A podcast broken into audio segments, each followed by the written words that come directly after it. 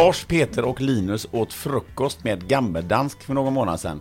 Det hade en märklig inverkan på herrarna för plötsligt hade man skapat Containers and Entertainers frukostklubb. Själv har jag druckit whisky till frukost som ni hör.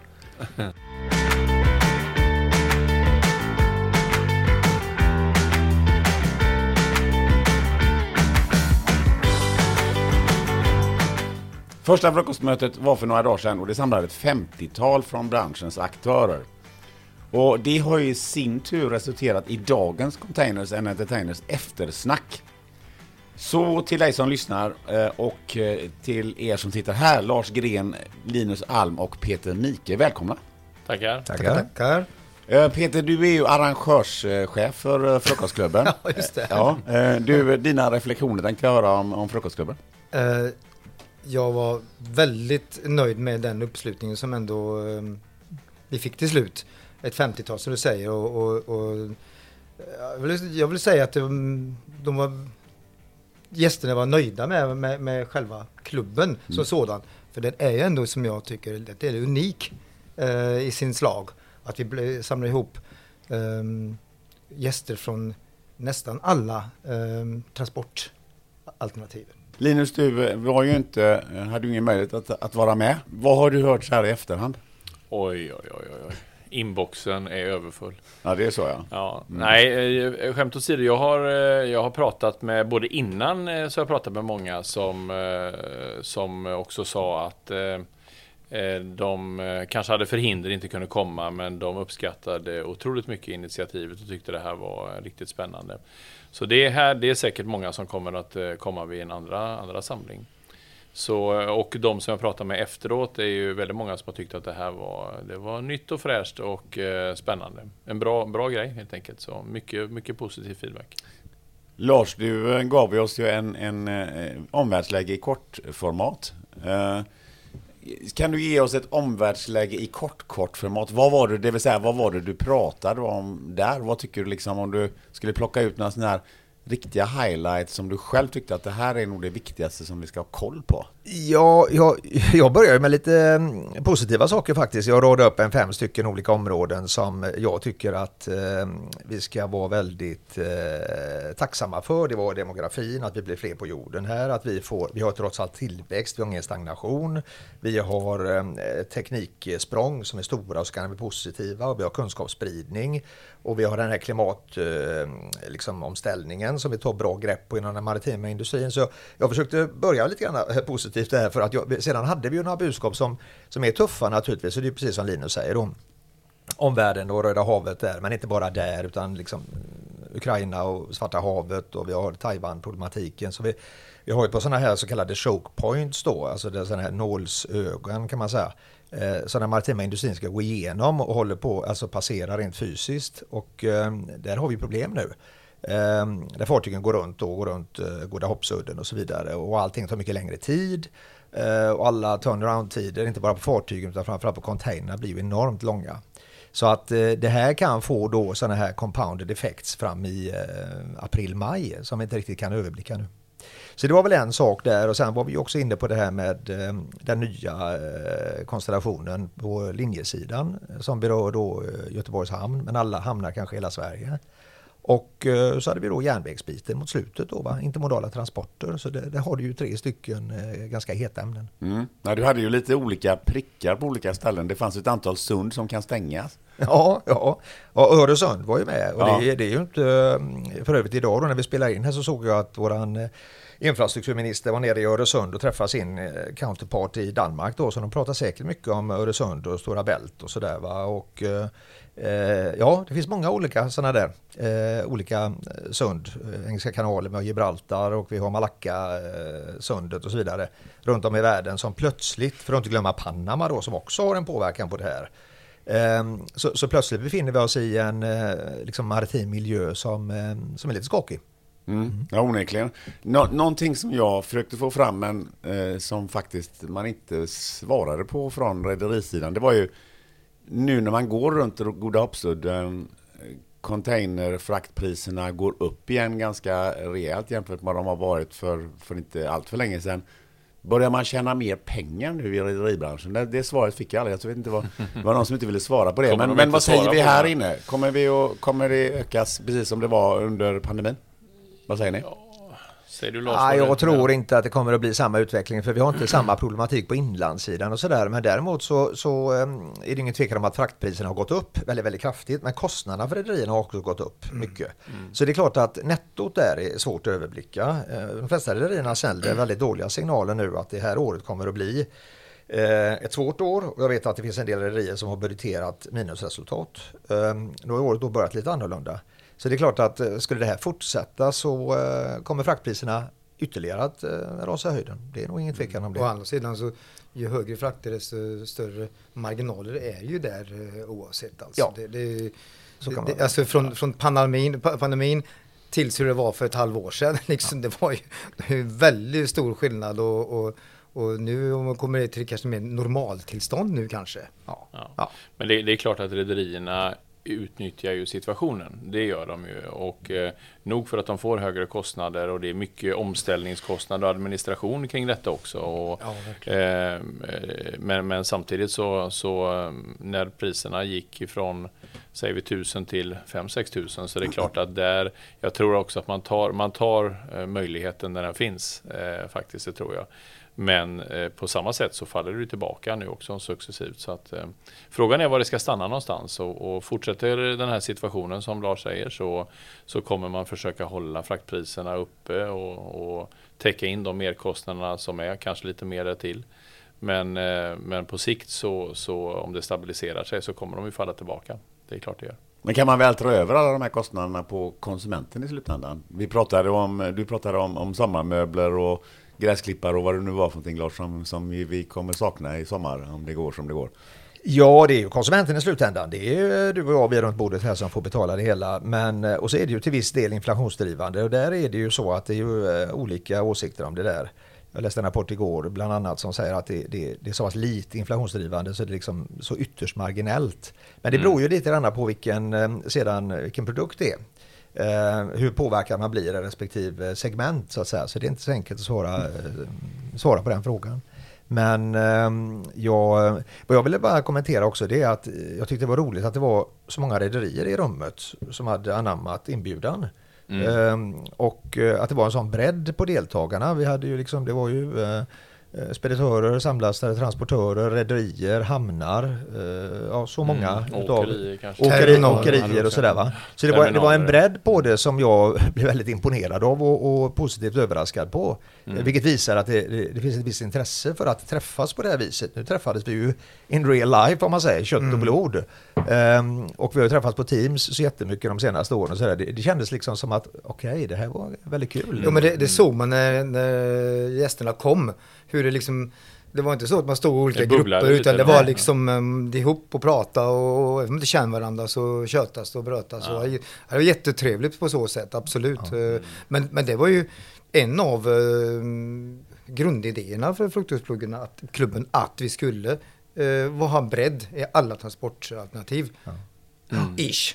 Ja, ja, Ja, men det, ja. så är det ju. Ja, Det, är ja, ju det, jag vet inte, den, det här med Frukostklubben, det går ju tillbaka Eh, 10-15 år egentligen eh, när jag och Peter har spånat om att försöka samla ett, eh, en grupp personer som, som kommer från hela branschen och hitta någon form av dynamik där. Men vi har aldrig lyckats att hitta det kan vara en tidsfråga också och möjligheter och sådana saker. Vi har aldrig lyckats att hitta den vägen fram förrän egentligen vi, vi börjar spåna med Lars här. Mm.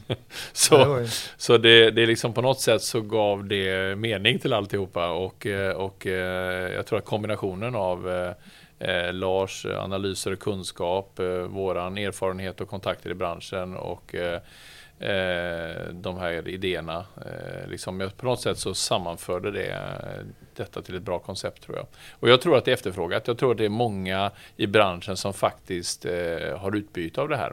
Ja, det, att det fanns ett stort intresse var ju också att det var ju vi skulle sluta klockan nio men det var ingen som gick och lämnade lokalen. Nej, så hörde tänkte jag att kvart ja. över nio är det rimligt att vi slutar. Men det var många Ja. som hade, höll på med eftersnack också. Ehm, ja, men det, var ju någon, det var ju en grej då, men det som jag tyckte var lite roligt det var ju någon som sa, jag tror det var efter din dragning, som kommenterade och sa så här, jag är glad att jag lever i en tid där det, där det händer så mycket. Ja, ja, ja, ja, ja, okej. Det är verkligen att se det positivt. Ja, det är verkligen att se det positivt, det får man ju säga då. Eh, och eh, jag tycker också att eh, Lena då Sellgren från Business Sweden där var ju, eh, var ju fantastiskt intressant att, att höra ifrån. Och pratade om ett ämne då med svensk export där som alla var berörda av i rummet så att säga. Så det, och det märktes ju verkligen. Hon hade ju ett väldigt duktigt sätt och bra sätt och fina bilder att presentera det här på. Lena Sellgren från, från Business Sweden var ju specialinbjuden här. Ja. Peter och, och Lars, ni som var med, vad, vad, vad tyckte ni om, om hennes framförande? Och framförallt, vad, vad tyckte ni var viktigt för vad hon sa? Vad kände ni själva? Alltså bara framförandet var ju exemplarisk, hon var ju jätteduktig. Hon på har stått på scen tidigare. Du, ja, jag sa till henne efteråt, du, jag hade tio rader och jag stakade med varenda ord. Du bara så här gjorde du liksom bara. Å andra sidan så står ju inte jag på scen eh, varje dag och Jag pratar. borde göra det Peter. jag kanske ska Det här är startskottet nu. Nu jädrar alltså. Nej, det är inte min grej alltså. Jag tror Peter han har ett, ett, eh, liv efter detta här med som föreläsare. Ja, just det. Ja. Ja, ja. Eller hur? Ja, det är riktigt. Det kommer att bli stage diving och grejer och sånt där. Stage dive. Har den där fantastiska förmågan tycker jag som eh, att vara tydlig och, och, och tala ganska lugnt. Och jag tycker hon var framförallt det här med förflyttningarna ifrån eh, Asien till Europa. Där då Business Sweden har gjort den här med undersökningarna och intervjuat med 500 företagen tror jag det var. Att vad, kommer ni att lägga i er produktion framöver och vad har ni lagt de tre senaste åren? Och allting pekar på att det blir mer regionaliserat i Europa och så vidare. Hon var så metod, metodiskt eh, tydlig när det gäller den biten. Eh, Och det tror jag gick fram väldigt mycket hos, eh, i, i, i rummet. Va? Och sen så var jag ju glad att hon också sa det att omvärldsbevakningen kommer att bli mycket viktigare i framtiden än vad den har varit tidigare. Så det, det är också en reflektion. Var en, en, ett instick där med en fråga. Visade hon siffror på eller någon form av belägg för, för det? Liksom, hur stor är den förflyttningen av produktion ifrån låt säga Asien, Kina primärt till, till Europa? Ja, hon nämnde de siffrorna och Ja, det finns en rapport eh, som Business Sweden har och ligger uppe på deras eh, hemsida för övrigt som man kan ladda hem då, där, eh, som är väldigt talande. Som, som ger alla de här procent- procentsiffrorna då och hur de har Ja. gått tillväga i den här undersökningen. Jag tror den släpptes eh, förra våren eller förra sommaren eller någonting sånt där. Jag hade med den i omvärldsbevakningen för ett par gånger sedan. För det är ju lite intressant. Jag vet i tidigare poddavsnitt har vi pratat om det här med, med regionaliseringen och förflyttningen av produktionen till Europa och vad det får för konsekvenser, inte minst för infrastrukturen i Europa.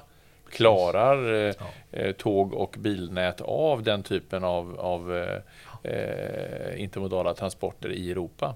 Det togs ju upp Så, eh, under det, ja. mötet här som eh, Du hade ju Lars någon tog upp det. Lars. Ja. Att, att järnvägen i Tyskland är så undermålig och det är Ja. strejker Ja, och precis. chaufförer och så. Så de kommer inte klara av det. Alltså som det ser ut nu. Men nu händer ju inte en förändring direkt men ändå. Ja, för jag menar förflyttningen av produktionen kan ju ske mycket, mycket snabbare än utbyggnaden av infrastrukturen gör. Precis, Och, och precis. det kan Och bli flaskhalsar i det. Ja, och det det jag tyckte, det, det, nämnde jag också, att det är intressant ändå att vi satt, satt um, gäster från åkeridelen också. så Ja, att det är de bra. får också klacka till det. Mm, här kan ju påverka mig också, någonting sånt. Alltså. Det är hela essensen, poängen i det. Att, Mm. att vi har eh, representanter från, från alla delar i logistiknäringen och transportindustrin. Liksom. Men om man drar ut det, det strecket lite Lars, du visade också hur, hur det såg ut med tågsträckningar och tåglinjerna i, i Sverige framöver. Alltså, hur, hur, hur ser det här ut om vi, om vi får? Hon pratade om en 20-procentig ökning av, av, av, tror jag, eh, att det var 20 procent av bolagen som sa att vi kommer att eh, tillverka mer här i, i regionalt. Ja. Och det är ju ganska mycket. Ja, ja, det är mycket. Ja. Och jag, jag menar, jag tycker inte det är enkelt att få en klar bild över järnvägsdelen. Och det var därför jag sa det också att vi ska ägna det här året ganska mycket omvärldsbevakning till att försöka borra ner i det här. Och jag försöker hitta också um, källor som är eh, fullständigt pålitliga när det gäller utvecklingen på järnvägen både i Sverige och, europeiskt. Och det är inte alldeles enkelt va, utan man får eh, olika signaler och när man försöker lägga ihop det här pusslet så eh, håller det inte ihop. Va? Och järnvägen har klarat sig väldigt bra tycker jag de senaste åren. Det har varit en viss överflyttning på järnväg och de har kört längre tåg och de har kört tätare tider och så vidare. Men det finns också en, en nedsida på den med lite risker. Och eh, hur de väger mot varandra där är förbaskat svårt att säga. Eh, kommissionen tycks ju driva en hård linje på, eh, på utbyggnad av järnväg i Europa generellt. Mm. Men då, då, då, tycker jag man gör det felet att då kategoriserar man inte med en gång. Är det passagerare man menar eller är det gods? Eller är det båda? Mm. För jag menar järnvägen har ju liksom, det är ju en räls med två spår, va? eller ett spår och två rälsar. Och den ena är ju passagerarsidan och den andra är godssidan. Och passagerarsidan tycks alltid få prioritet på något vis. Va? Eh, så i Tyskland också. Man försöker driva då att fler och fler ska åka tåg istället för att flyga. Eh, och det är klart att bygger man då inte ut järnvägen så ska det tas från något ställe och då tas det från godssidan. Som man samtidigt säger ska byggas ut. Så att det här är inte alldeles enkelt alltså. Mm, nej, nej, Det är ganska komplicerat. Och eftersom sjöfarten och järnvägen är knutna till varandra intermodala koncept många gånger så, så hänger det ju här väldigt mycket ihop. Så det blir en del järnvägssnack också. Mm. Ja, det blir det. Ja. Jag tror det, kan, det finns väl eh, chans att det kan bli det framöver. Det är helt säkert. Helt en, säkert. en, annan sak som, som ju kom upp flera gånger, det var ju liksom att, att det, förflyttningen mot Asien fortsätter ändå när det gäller den globala handeln. Eh, och även när det gäller den, den eh, BNP-utvecklingen de närmaste åren. För det var en ganska positiv bild. Alla, all BNP går upp, världsekonomin eh, vänder.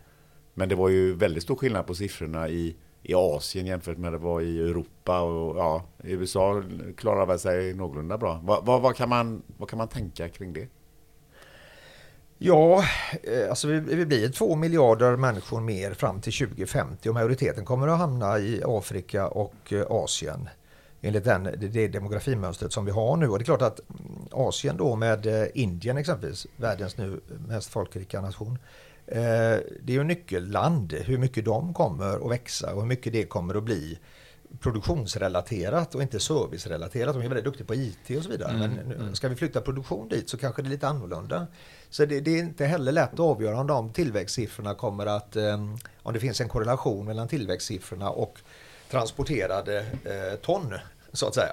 Det är inte alldeles givet. får vi en ökad regionalisering, fler tillverkare i Europa, men samtidigt ökar det i Asien oavsett om man säljer till Europa eller inte, därför ja. att de blir två, miljoner, äh, två miljarder mer. Såklart. Ja, mm. såklart. Va? Och nu har vi den här handelssituationen mellan Kina och Europa då vi ser att Kina har då eh, massivt ökat sin export utav bilar utav eh, solpaneler och utav batterier till Europa som är då gröna produkter för att vi ska kunna ställa om Europa bättre. Så det, det, är svårt att säga att man inte ska ta emot dem och de är ju väldigt dominerande där.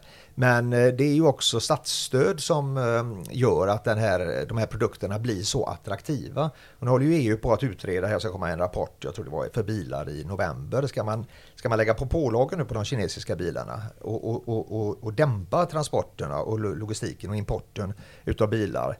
Eller hur ska man hantera detta? För annars blir ju bilindustrin i Europa utsatt för en konkurrens som inte är okej, okay, så att säga. Va? Mm. Det blir de här dumpningsreglerna som kommer. Så det finns ganska många pusselbitar i det här spelet som vi kan följa framöver som jag tror gör det intressant för oss. Eh, och då menar jag kollektivt att försöka eh, så att säga, se mönstret. För att alla oavsett om det är åkerier eller samlastare eller hamn eller rederi och så vidare så är du beroende på att kunna läsa det. Och, och, och det får vi lägga det pusslet lite grann tillsammans tror jag. Mm. Där tycker jag, där tycker jag man har essensen i precis det här med eh, varför vi gör det här med Frukostklubben. Eh, belysa eh, saker eh, som händer i omvärlden. Bely prata om saker och ting som förändras i framtiden. Eh, och att alla som lyssnar, alla som är berörda, alla som är med, drar sina slutsatser. Hur påverkar det här mig och min business och min näring, min industri? Ni som representerar förvaltningssidan i allt det här, vad, vad, vad ser ni för påverkan? Vad, vad, har ni, vad, vad märker ni? Vad, vad känner ni? Vad ser, vad ser ni ur eran, i eran industri? Ja, alltså det, det är ju, eh, vi har ju samma, eller vi påverkas ju av samma saker egentligen. Vi är bara lite längre ner i värdekedjan, känns det som. Men det, eh, det är klart att allting det här som händer, det kommer ju i viss utsträckning i alla fall påverka även eh, samlastningsbenet så att säga. Sen kan det te det kan sig lite... Till och med. Det, det kan vara positivt, det vet vi inte. Ja, nej. Ibland så har ju, har ju eh, Eh, den påverkan på just samlastningen kan vara ibland helt motsats till det som händer i världen. Mm.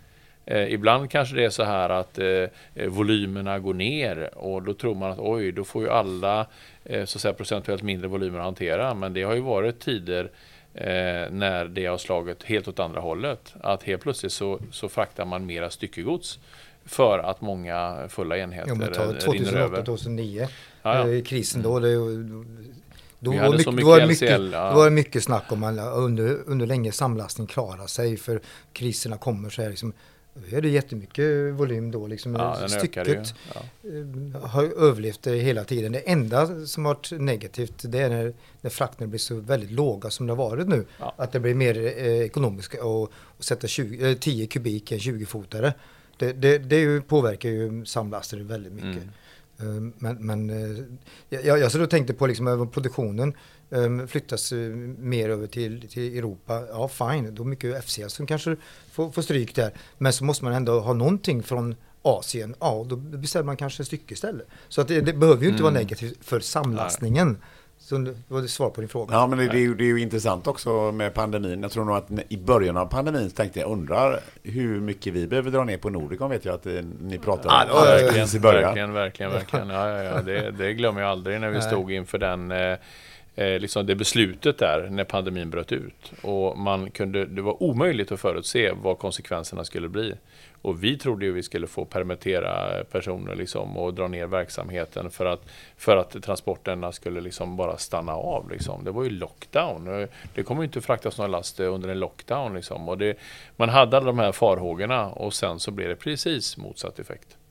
Alla körde så mycket styckegods och det, ju- det, det var ju så i hela branschen. Det fraktades mycket, mycket mera gods under pandemin liksom, och det var ju en hysteri utan dess like. Och frakterna var höga samtidigt. Så att, eh, eh, det är klart att det, där, där tror jag under de åren så, så hade alla det lika förmånligt och bra liksom, inom transportvärlden. Men lika hårt svänger ju pendeln tillbaka. Men, Så men när det blir sådana här kriser och så, hur, hur påverkar det arbetsbelastning eller hos er? Eller behöver ni, behöver ni liksom, är det fler frågor ni får svara på? Ja, en väldigt bra poäng alltså. Man, man tänker ju det liksom att, eh, eh, att det är en transport, är en transport och, och eh, proceduren för att hantera den eller eh, liksom hanteringen densamma, det är den inte. I de här krissituationerna när det är mycket turbulens så ökar allting inte en gång, två gånger utan tre, fyra gånger.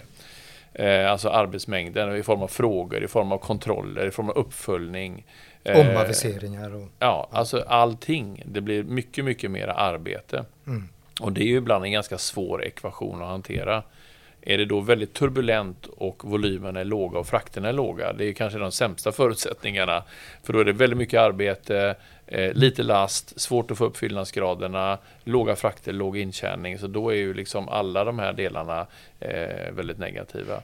Och det blir motsatt effekt när, när pendeln slår åt andra hållet. Ja, intressant. Mm. Eh, Någonting som ju vi trodde skulle bli mycket snack kring, det var ju det Maersk Hapag-Lloyd eh, caset där, Mm. eh, som du också berörde Lars. Men vi fick inte så mycket dialog kring det. Vad kan det bero på?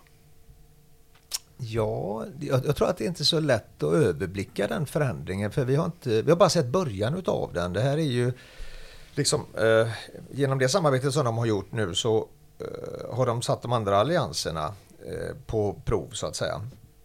Och nu, nu funderar resterande rederier på vad de ska göra och det här är liksom inte klart, det är inte färdigkokat ännu. Utan det håller på att koka på sparlåga så att säga. Och det tror jag gör att eh, en hel del i branschen är lite eh, konfunderade just nu.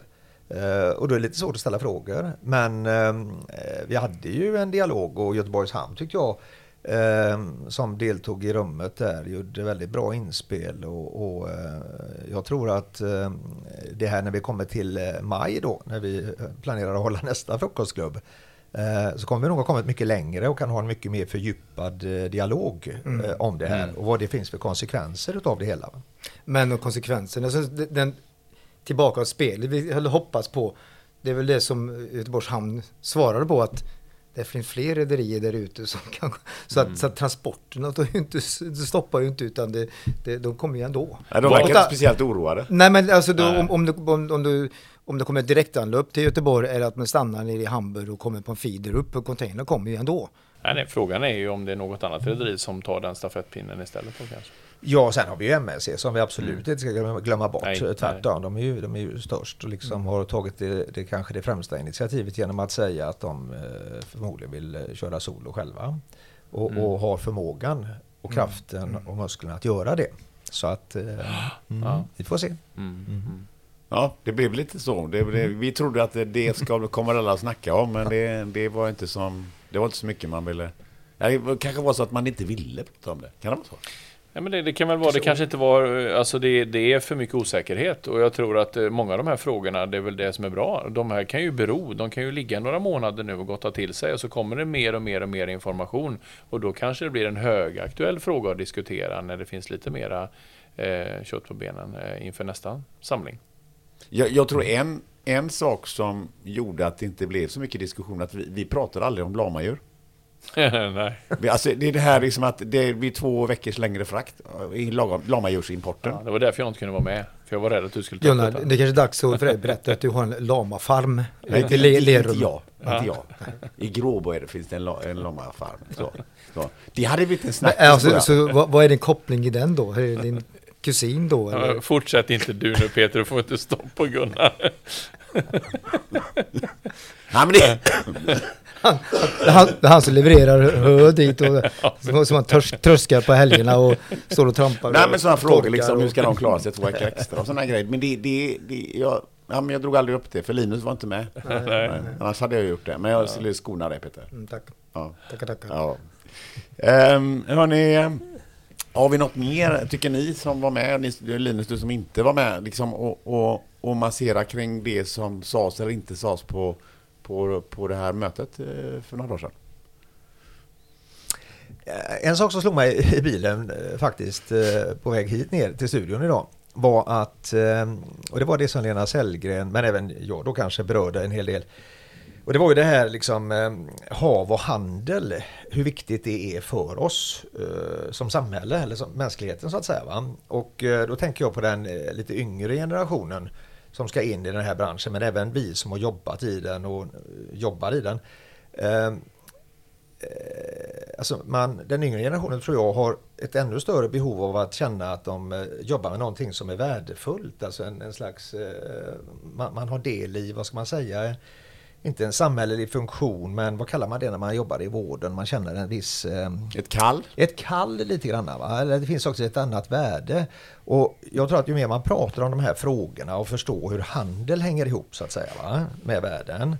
Ju bättre är det. Och jag tror att ungdomarna känner en, ett intresse till branschen om vi kan prata mer om det värdet.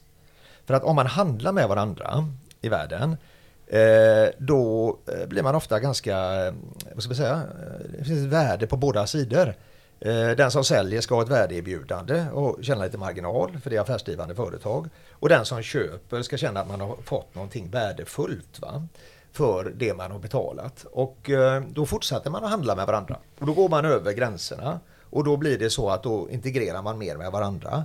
Och jag, menar, jag har haft förmånen att vara i den här branschen i så många år och ha vänner runt hela världen. Och det spelar ingen roll vilken religion eller hudfärg det är och så vidare. Utan det är underbara människor. Och det är oftast då att man har haft en anledning att arbeta tillsammans som har varit handelsrelaterat. Så att just det att vi, eh, att vi eh, jobbar i en bransch som är så värdefull va? för samhället i stort. För handlar inte vi med varandra runt om i världen, alltså då är det lite grann, som jag har sagt tidigare, game over. Eh, och det, det tror jag är värdefullt att vi förstår det, att den yngre generationen också känner det, att det här är bra. Alltså jag jobbar i en bransch som alltså är, eh, vi levererar någonting som är viktigt för alla. Men samtidigt, vår- vår bransch har ju väl varit väldigt doldisbransch i många år vill jag säga. När man är ute på olika eh, tillställningar och fester. Jaha, vad sysslar du med då? Jag sysslar med det här. Jaha, vad, vad, gör, vad gör ni? Alltså, så får de förklara det. Alltså nu hämt, eh, handlar julklappar och går på eh, eh, och ser en massa julgranar som eh, blinkar. Var, kommer de grejerna ifrån då? Kanske inte julgranarna men ljusen tänkte jag. Jo, plastgranarna. Men, men, jo, men, alltså, men, men under pandemin och eh, speciellt eh, Suez, alltså då, det helt plötsligt så var vi, alltså i vår, i vår bransch, det var verkligen i blickfånget och det var som wow, kolla här. Då, då, då kom det upp. Nu är det tynnat bort lite sakta men säkert. Men, men, det var under men, pandemin där när vi var Ja. de nya IT-bolagen. Ja, ja, Då, ja. då ökade, ökade intresset för logistik. Då frågar folk liksom, ja, Men du måste, ju, du måste ju möta det mycket Lars. Jag menar du som ändå föreläser i skolan och så. Du, du har ju kontakt med de här ungdomarna liksom, som ska in i branschen. Så du måste ju prata en hel del om detta. Jo, men det, det gör jag vet. Och de, det är därför jag säger det lite grann. För att eh, en del av dem är också ganska så brydda rent, eh, alltså har lite begränsad framtidstro. Va? Mm. För jag tycker det är mycket jobbigt i branschen nu. Mm. Eh, menar nu den senaste klassen jag hade här eh, var en 52 personer tror jag. Jag frågade hur många som läser en dagstidning. Det var två som gjorde det. Eh, och så säger man då att nej, jag orkar inte ta in det för det är så mycket negativa saker. Va? Och, och det är så jobbigt runt om och sådär. Va? Mm. Och då kikar jag på en serie istället eller gör någonting annat och sådär. Och det, det där är ju en viss fara med det där. Va? Mm. Och, och, och när man då söker sig in i en bransch så vill man ju ändå vara i en bransch som har både framtidstro och som har en viktig funktion. Mm. Och det finns ju nästan ingen viktigare funktion än vad vi har. Vi har ju många gånger fått stryk och får stryk ibland rättmätigen utav varuägare som säger att ni har dåliga varuförsörjningskedjor eller dåliga logistiklösningar eller vad det nu kan vara och så vidare. Men, men vi jobbar på det och vi har blivit bättre och nu håller vi på att ställa om till hållbarhet och där blir vi också bättre och så vidare. Va? Så vi är liksom ett kitt eh, i det här samhället eh, som, som är avgörande för hur handeln ska utvecklas och det tycker jag är berikande att prata om det. Det, det är roligt att prata om det. va? Sen, sen ska man nog lägga till där också, som jag vet att vi har pratat om tidigare i podden, den här förändringen som har skett i branschen med att den är mycket mer processstyrd nu. Liksom. Du, förr så kom du kanske med en helt annan eh, då, kanske allmänbildning, förståelse för transport och logistik och så kommer du in i branschen och sen fick du jobba med hela kedjan ifrån, eh, ifrån eh, upphämtning till, till leverans. Liksom. Medan sen har ju branschen förändrat sig. Alla jagar effektivitet. Det är bättre att sätta någon som bara gör ett moment i hela kedjan. En, en, en så att säga gammal speditör kunde hela biten. Idag så är det väldigt många som sitter ute på bolagen som kan en liten del och begränsar sitt, eh, sitt eh, kunnande och förståelse för vad man egentligen gör. Och det, det var ju lite grann det som vi var inne på och rörde i det här med Transportakademin. Du kommer ihåg när vi liksom så här, vi måste lyfta liksom kompetensen i branschen. Liksom. Och det går lite hand i hand med det du är inne på nu, Lars. Här. Mm. Nej, Så det är en liten fara där. Liksom, att Det är det. det, är det.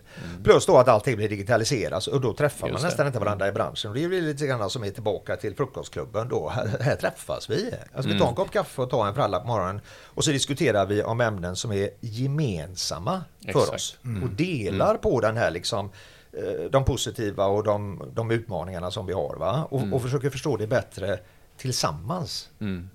Det är det som är... Ja, men det, det, jag vill nu säga att det, det är lite unikt det, är det här, alltså den Ja. frukostklubben. Och det, och det fick jag också en del, jag gick ut sen när gästerna gick och, och de var många som, som tyckte att det var, vilken, vilken, vilken bra eh, idé det här var totalt sett. Och, och, så att det, ja.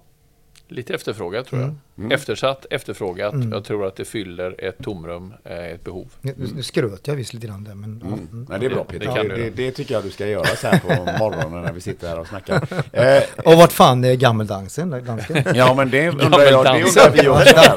Vi, vi tar en gammeldansk och sen lite gammeldans. På där. Ja, det, det är det nya, det tar vi Ja. nästa gång va? Ja, vi, vi dricker inte gammeldansk utan vi dansar gammeldans.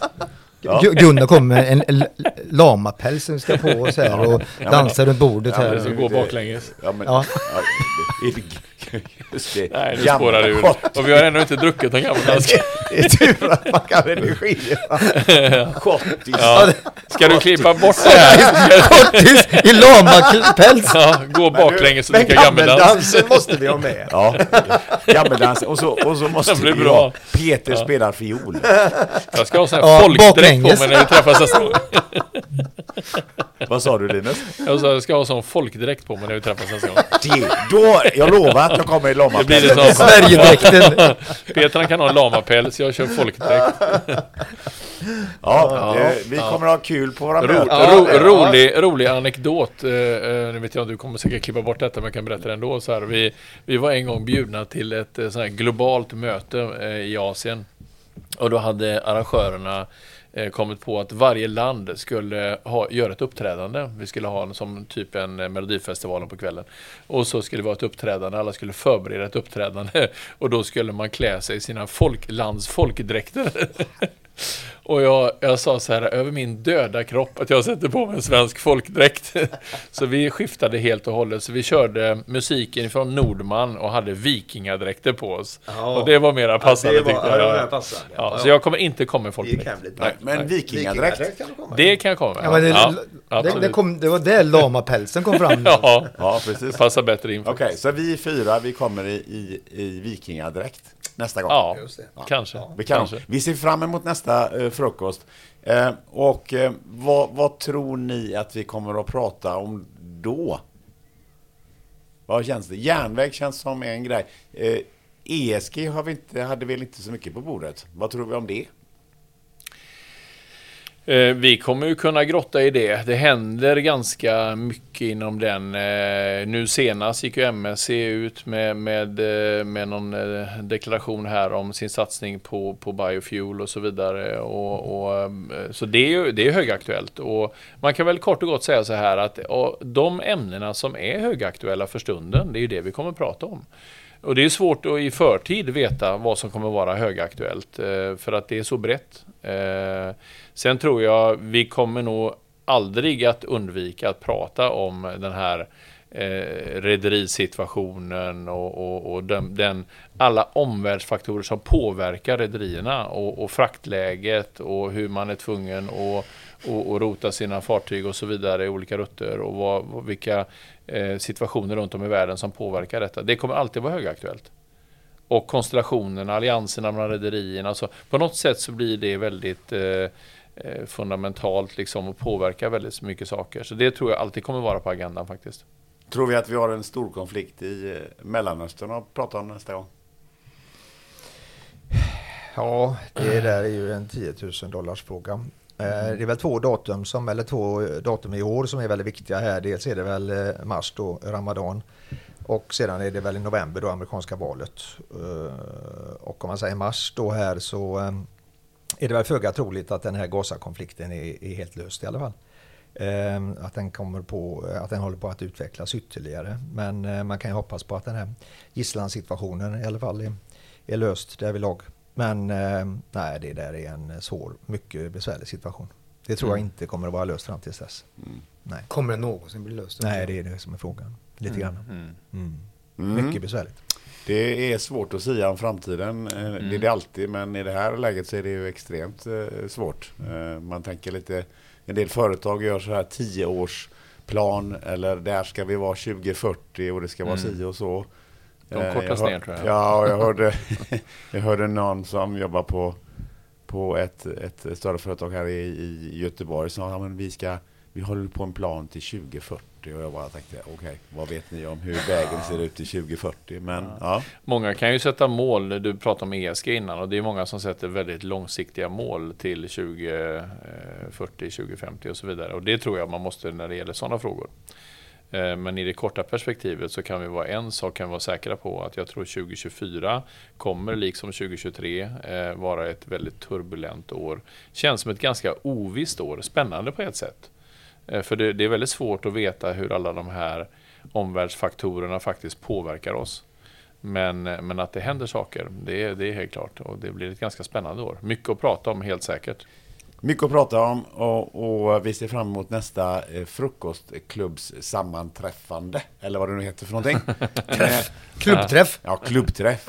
Containers and Entertainers frukostklubbträff. Ja. Mm, härligt. Ja. Ha, det Alltså, får... ja. Men Gunnar, eh, du har ju glömt en sak. Jaha, har jag Ja. glömt? Vad har jag glömt? Rekommendationer. Ja. Hur fasen kan du glömma det? Ja, men jag, det har inte glömt Peter. Jag, jag bara tänkte testa dig Ja. och se. Men eftersom du sa det så var det det. Vi börjar med Peter. Ja, vad, vad kan eh, du rekommendera? Då kan du rekommendera jag att få upp pulsen. Okej. Ja. Hur gör man det? Lämpligast? Träna. Det är Gå träning ut och gå snabbt. Ja. Röra på sig. Ja. Upp med pulsen. Upp med pulsen. Inte sitta fan, liksom ut- och stressa Nej, och sådär. kom igen. nej. Upp med pulsen. Upp med pulsen, upp med arslet ur... eh, ur eh, Precis, innan det är för stort. Innan, arslet är för stort Ja, och stolen för liten. Ja, så, det var så jag tänkte. Det var så du tänkte? Ja. Kort, bra, god rekommendation. Linus, Minimera eh, stort arsle utan gå ut och gå. Det är ju Ja, klockrent vad, alltså. vad Vad fasen ska jag rekommendera då? Jag, jag, absolut, ut och rör på er. Eh, då rekommenderar jag att man, eh, man åker mera skidor, för det gör jag. Eh, man äter god mat, man dricker gott, man är rädd om sina vänner och eh, man eh, njuter av livet. Oj! Och sen jobbar man hårt. Vilken rekommendation! Ja, Där var nej, det men, liksom. nej, alltså jag, jag, jag, jag har inget så här specifikt att komma med just nu. Nej. Jag, jag kanske kommer på något. Ja. Lars? Ja, du har ju tagit allting. Ja. Jag får Ja. göra en Gardera copycat. mig. Jag får, jag får ta en copycat på det, det var så jävla bra sagt. Nej, det tycker jag inte du ska göra. Eller rekommendera att gå på båtmässan till. Ja, båtmässan. Ja, ja, ja, det skulle man Ja, kunna göra. faktiskt. ja, faktiskt. Ja, Våren är på väg. Ja, men jag tycker att du kan eh, komma med en rekommendation om vårens Berlin. Ja, vårens Berlin. Ja, vad, vad, vad ska. Man, om man ska åka till Berlin, vad ska man, vad ska man, vad ska man kolla på så här på våren? Unter den linden. Ja, man ska promenera i Tiergarten. Man ska promenera i Tiergarten och känna den här känslan som det är att gå mitt i en eh, världsstad i en eh, vildvuxen skog. Eh, till skillnad från andra parker och sådär så är det inte tillrättalagt utan det känns som man befinner sig i en eh, mörk men, men fantastiskt charmig skog och känner historiens pulsslag. Och så kan man gå ner till eh, Brandenburg och Tor och så kan man gå till riksdagshuset och så kan man gå ner på eh, Unter den Linden och eh, gå runt där och känna historiens vingslag. Det är- Tiergarten, det låter som att det, det kan komma lite vilda djur fram Eh, där. Ja, jag vet inte hur vilda de är, men det finns lite grann. Det finns lite rävar, det finns lite kaniner och, det finns lite rådjur tror jag. Och så där, så att, eh, men du behöver inte vara rädd för någon. eh, De hade väl någon tiger som, eh, som eh, bröt sig loss eh, förra året, eller om det var ett lejon eller någonting sånt där. Men jag tror Men Lars, du behöver inte gå till Berlin, du kan gå till Näset, för då har vi rådjur, rävar och kaniner Ja, också. ja, ja, ja, det är mycket billigare. Men det är så Och närmare. Det Det, finns det, det är mycket snabbare. Det- Det tar tio minuter. Nej, Peter, det är dock inga historiska vingslag där ute, det kan jag, det kan jag aldrig tänka mig. Du snackar inte om det på smitten, då är det gammalt stenbrott och gå och titta. Det Ja, ja, och det är jättemycket smitten. intressant alltså. Då blir man också hungrig. Var, vart ska man gå och äta någonstans i, i Berlin? Oj då, ja det är ju en... eh, Var hittar vi restauranggatan? Ja, det finns på Kantstrasse då som är deras asiatiska eh, gata exempelvis som är helt fantastisk. Det är bara en eh, myller utav eh, asiatiska eh, kulinariska nedslag. Så att eh, det skulle jag rekommendera. Kantstrasse i Berlin. Kantstrasse. Kantstrasse. Mhm. Eller så tar, stannar man till vid någon sån här kiosk och tar sig en riktig bratwurst. Eh, Currywurst. Currywurst? Currywurst. Nej, det, det, ja, det, nej. Ja, den är svår. Ja, den är svår. Jag har också, också lite svårt för den. Currywurst har jag, det är liksom Ja. något eh, nytt påfund som de har kört de senaste åren där alltså. senaste 40 åren. Ja, ja, lite så. Men bratwurstens Ja, ja. historia går ju... Där är snackar lite vi, längre. Där snackar vi om historiska vingslag. Så är det säkert. Eh, nej men jag tycker, jag tycker att eh, rekommendationen från din sida där Linus... Eh, Var de för breda? Nej, den är jättebra. Jag tog allt. Jag tar alltihopa men jag specificerar det i form av skidåkning utför. För det ska jag göra nu om... om eh, det har jag inte gjort på stort sett 4-5 år. Underbart. Så det ska bli underbart att åka till Alperna. Ah. det kan jag rekommendera att göra Nej, utan Var i Alperna ska du? Gashurn. Gashurn. Det kan ni ta och leta upp på... Det Googla på visste det. inte jag. Nej, det vet jag inte vad det Nej, ligger. nej det är, den låter vi hänga som en cliffhanger. Tack till dig som har lyssnat eh, på det här avsnittet och det här eftersnacket av Containers and Entertainers frukostklubb. Vi hörs och ses där ute i eh, fraktvimlet. Det gör vi. Tack och hej! Ha det bra. Tackar, tackar.